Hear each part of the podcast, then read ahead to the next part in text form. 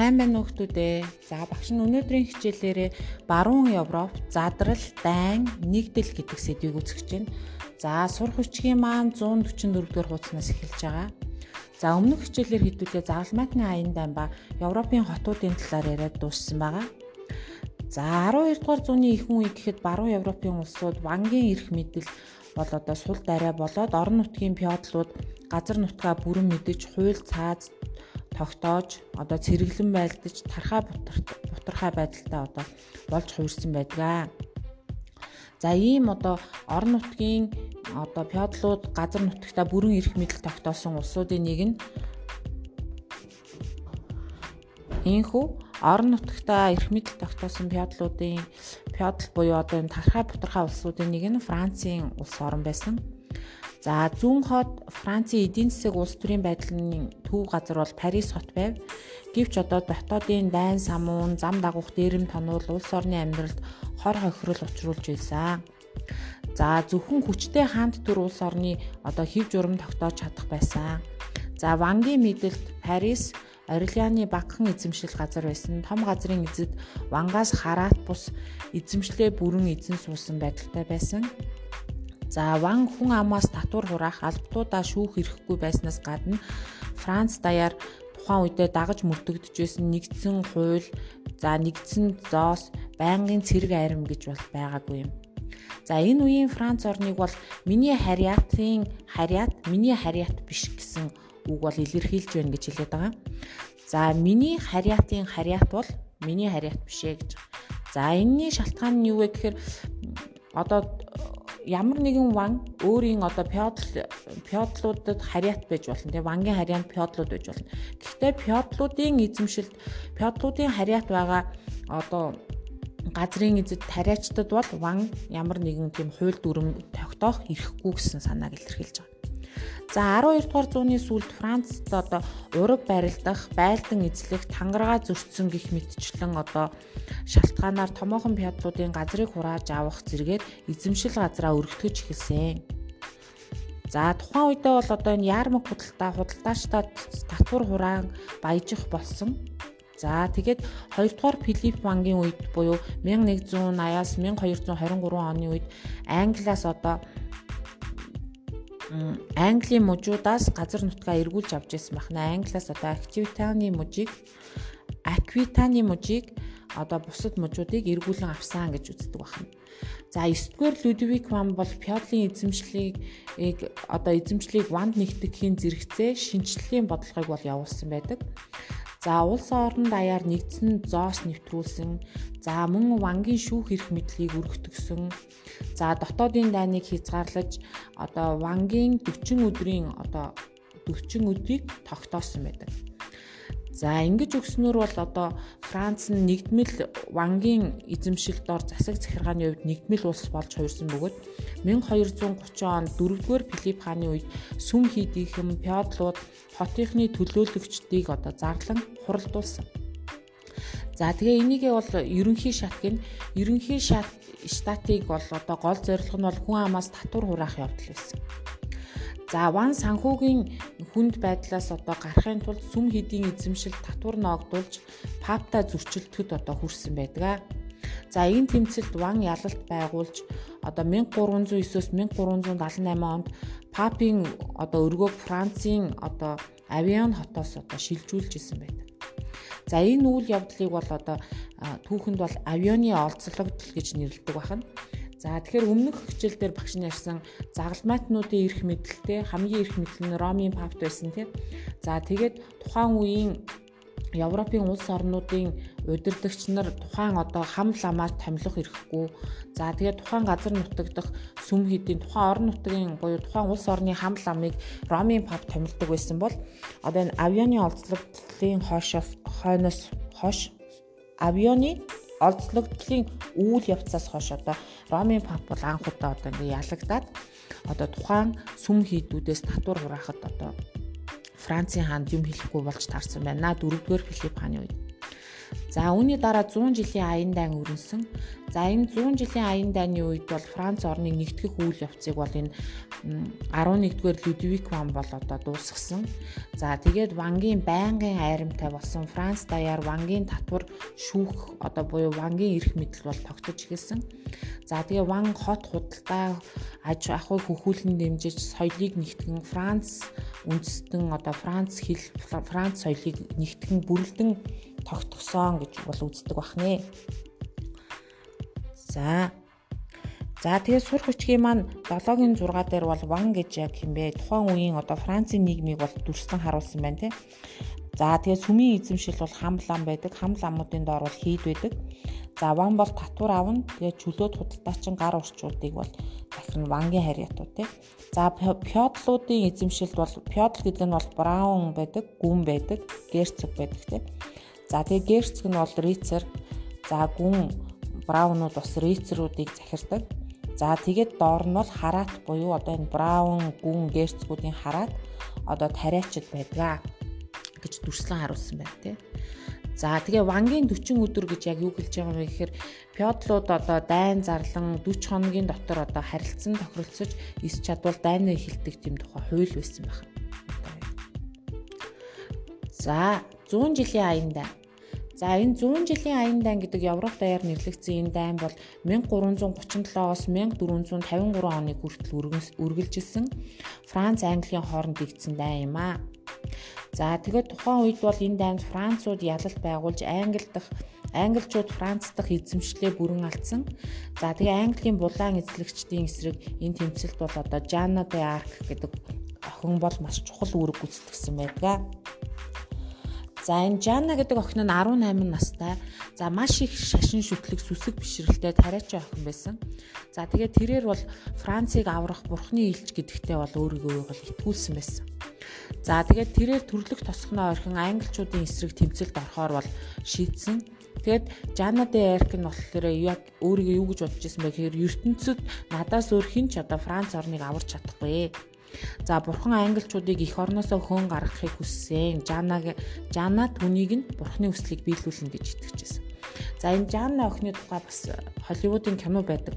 Нөхдүүд бас юу байвал хайгаад үзээрэй Жаннагийн талаар. За тэгээд ард түмэн тухайн үеийн нөгөө итгэл үнэмшил өндөртэй сүсэг бишрэл өндөртэй ард түмэн бол Жанна охиныг бол охин тэнгэр бурхны илч гэж бол итгэжсэн. За тэгээд тэрээр одоо Ариллион хотод хүрэлцэн ирэхэд бол дайсны эсрэг шийдвэрлэх тулаан эхэлж түүнд одоо түүний оролцоотойгоор буюу Жаннагийн оролцоотойгоор Францын ихэнх газар нутгийг одоо эргүүлэн англичуудаас буцаан авсан. За ингээд Жаннагийн нэр алдар өсөж олон хүмүүс түүнд дайсагнж эхэлсэн. За тэгээд харамсалтай Жанна охиныг яасан бэ гэхээр нөгөө дайсагнсан Жаннагийн нэр алдар хит түгж байгаа дайсагнсан Францын их стэйц түүнийг одоо англичуудад барьж өгөөд англичууд түүнийг галд шатаасан байдаг бахнэ. За ингэснээр Жанна охины түүх бол дуснаа. За тэгээд энэ 100 жилийн аяндаа бол Франц, Англи хоёрын одоо хөлийн зааг, хөлийн бүсүүдийг бол тогтоосон эрх мэдлийг одоо заагалж өгсөн юм томоохон тулаан болсон юм аа. За англичууд эрхчлөө тусгаар тогтнолынхоо төлөө тэмцэнэ гэдэг хэсгийг бас багш нь ярьж өгье. За тэгээд тухайн үедээ бол Англид бас нөгөө феодал эрх мэдэл тогтцсон тий. За Английн барон буюу одоо том феодлууд гэсэн үг тий. За тэгээ Францын герцог гүнгүүтээ адил эрх мэдэлтэй байхыг одоо хүсдэг байсан. За тэгээ Ван болохоор хотхон рицрууд түшиглэн одоо тэднийг эсэргүүцэн одоо тарж исэн. За тэгээ хоёрдугаар генерийн одоо шинжилэл явуулсан. За тэнд болохоор вангийн шүүх гэдгийг байгуулсан. За ван амбан захирагчдын эрх мэдлийг өсгсөн. За тэгээ баруунуудыг аян дайнд явахын тулд одоо бамбай мөнгө төлөх ёстой гэж бол одоо гаргасан. За англичууд бол одоо нөгөө Английн одоо ван бол одоо энэ Францыг ботход бол маш их эрх мэдэлтэй байж за тэгээд тухайн үеийн бараунчууд буюу одоо энэ пёдлуудыгаа бол өөрөө нэгтгэн захирч ирсэн. За харин Английн браун буюу одоо энэ пёдлууд нь одоо вангийн эрх мэдлээсээ гарч одоо Францын герцогуд гүнгүүдтэй адилхан ингээ бие даасан байхыг илүүд үзэж хүсэж исэн байх нэ. За тэгээд За нийгмийн хичээл дээр хэдүүлээ ярьжсэн магна харти буюу одоо нөгөө эрхчлөөний тунхаглал гэдэг одоо тунхаглалыг баталжсэн англи тэгээд те. За тэгэхээр тэр нь бол одоо энэ Йон буюу одоо энэ Вангийн үед бол болсон. За 1199-с 1216 оны үед бол Ван бол суудалтаа сууж исэн. За тэр үед бол одоо газрын эзэд буюу одоо энэ браунууд те одоо өөрсдийн эрх чөлөөний магна хартын тунхаглалыг бол анх удаа одоо язгууртан ванд бол хүлээн зөвшөөрсөн. За тэнд бол юу гэж үзэжсэн бэ гэхээр чөлөөт хүмүүсийн буюу одоо ингэ чөлөөт иргэдийн хөрөнгийг хураах за баривчлах, шоронд хийх, хөөх зэрэг одоо хүний заяагдмал хууль ёсны эрхийг бол одоо хөсөрдүүлэх ёсгүй.